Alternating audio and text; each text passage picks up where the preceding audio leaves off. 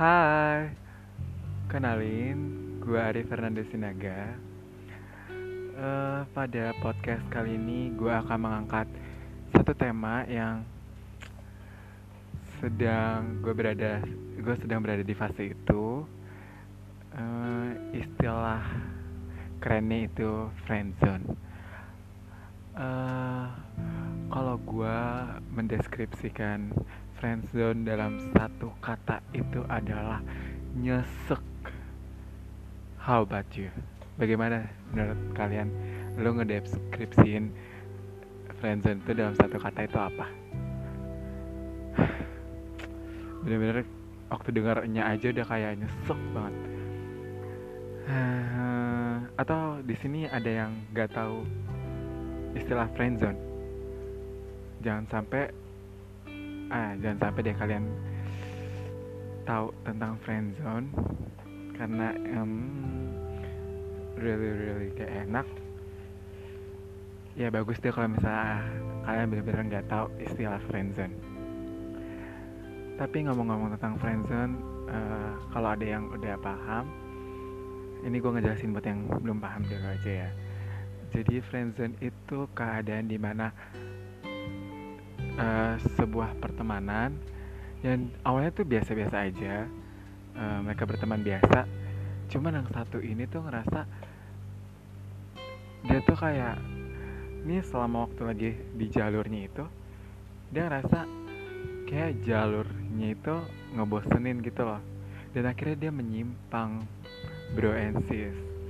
Nah waktu nyimpangnya itu dia kayak ada rasa kayak kok gue ada yang ngeganjil gitu loh. Kayak gue tuh nggak gue butuh dia tuh bukan sebagai teman gitu. Jadi dia mulai merasa kayak uh, dalam pertemanannya itu kalau misalnya temennya nggak ada tuh kayak ngerasa eh dia lagi apa ya? Dia lagi asik sama yang lainnya atau dia lagi sibuk sama si doi? Pasti bawaannya tuh lo overthinking bro and tapi ya gimana ya? Mungkin ada yang pernah mengalami friendzone yang lebih parah lagi. Jangan pokoknya jangan sampai deh. Dengan gue saranin tuh lo kalau misalnya nyari pasangan tuh mendingan yang bener-bener jangan dari pertemanan. Uh, misalnya lo kayak nyari pasangan tuh kayak dari Instagram dari uh, ketemu di jalan kayak ketemu di event acara gitu. Jadi kayak hmm, ya kalau misalnya lu mau nyatain perasaan ya nggak usah mikir dua kali ya lagi. Jadi kayak ya lu nyatain diterima ya syukur. Kalau nggak di nggak diterima ya ya bodo amat gitu. Cuman kalau tanya uh, lu dalam keadaan friendzone lu mau menyatakan perasaan ada takut ntar mending kalau misalnya ternyata dia sama juga memiliki rasa yang sama kayak lo kalau misalnya enggak lo pasti akan ketemu dia otomatis lo akan uh, rasa canggung.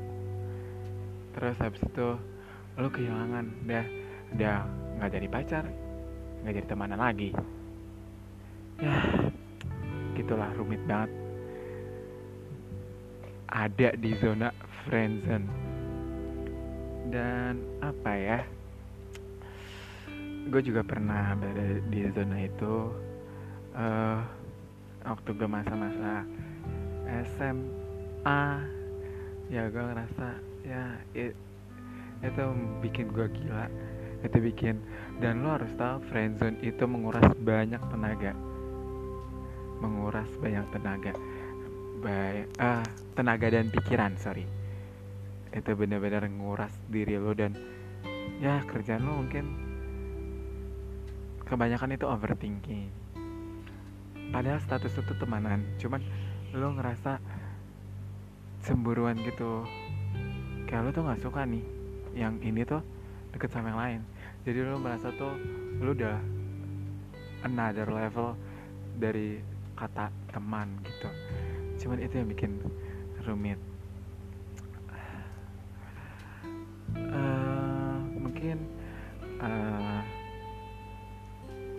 cara supaya lo uh, tips dari gue supaya gimana sih supaya nggak nyesek nyesek amat. Uh, saat lu berada di zona friendzone tips gue tuh lo harus pinter-pinter cari momen. Kalau lo ngerasa uh, ini momen yang tepat untuk lo emang lo tip kalau misal lo tipe orang yang kekeh lo mau nyatain perasaan lo harus tahu momennya. Jangan waktu kayak uh, di lo lagi bener-bener apa ya feeling uh, perasaan lagi kacau terus dia juga lagi kacau terus malah nyatain perasaan. Akhirnya yang ada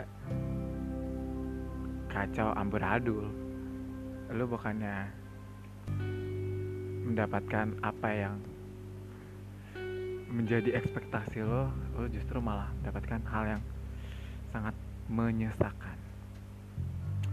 Dan lo juga harus lihat lihat kondisi. Misalnya lo harus tahu lo teman lo itu yang lo suka itu itu tuh dia reaksinya gimana? Dia tuh reaksinya juga kayak suka sama lo atau enggak? Kalau misalnya mas dia reaksinya suka sama lo ya lo pertahanin perasaan lo. Cuman jangan jangan jaim nyatain aja. Cuman kalau misalnya lo ngeliat kayak ini orang emang cowok pure mau temenan gue cuman emang ini gayanya dia temenan tuh kayak gini. Emang kalau misalnya lo temenan sama teman gue ini nih yang jadi friend gue mungkin lo bisa baper gitu. Kan emang ca karena cara pertemanan orang tuh beda-beda bor. Sis. Jadi lo harus emang bener-bener harus pinter-pinter. Uh, apa sih? Mindset lo. Jangan sampai lo tuh one way lo jalan sendiri. Itu capek banget gila. Gue ngomong kayak gini karena gue ngerasain.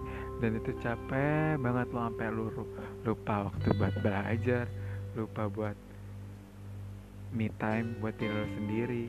Waktu untuk lo refreshing olahraga main dan ya kerjaan lo overthinking.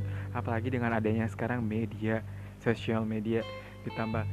Sekarang orang tuh jadi gampang sekali mem, uh, media tuh gampang sekali mempengaruhi kita gitu loh. Baik dalam visual maupun audio.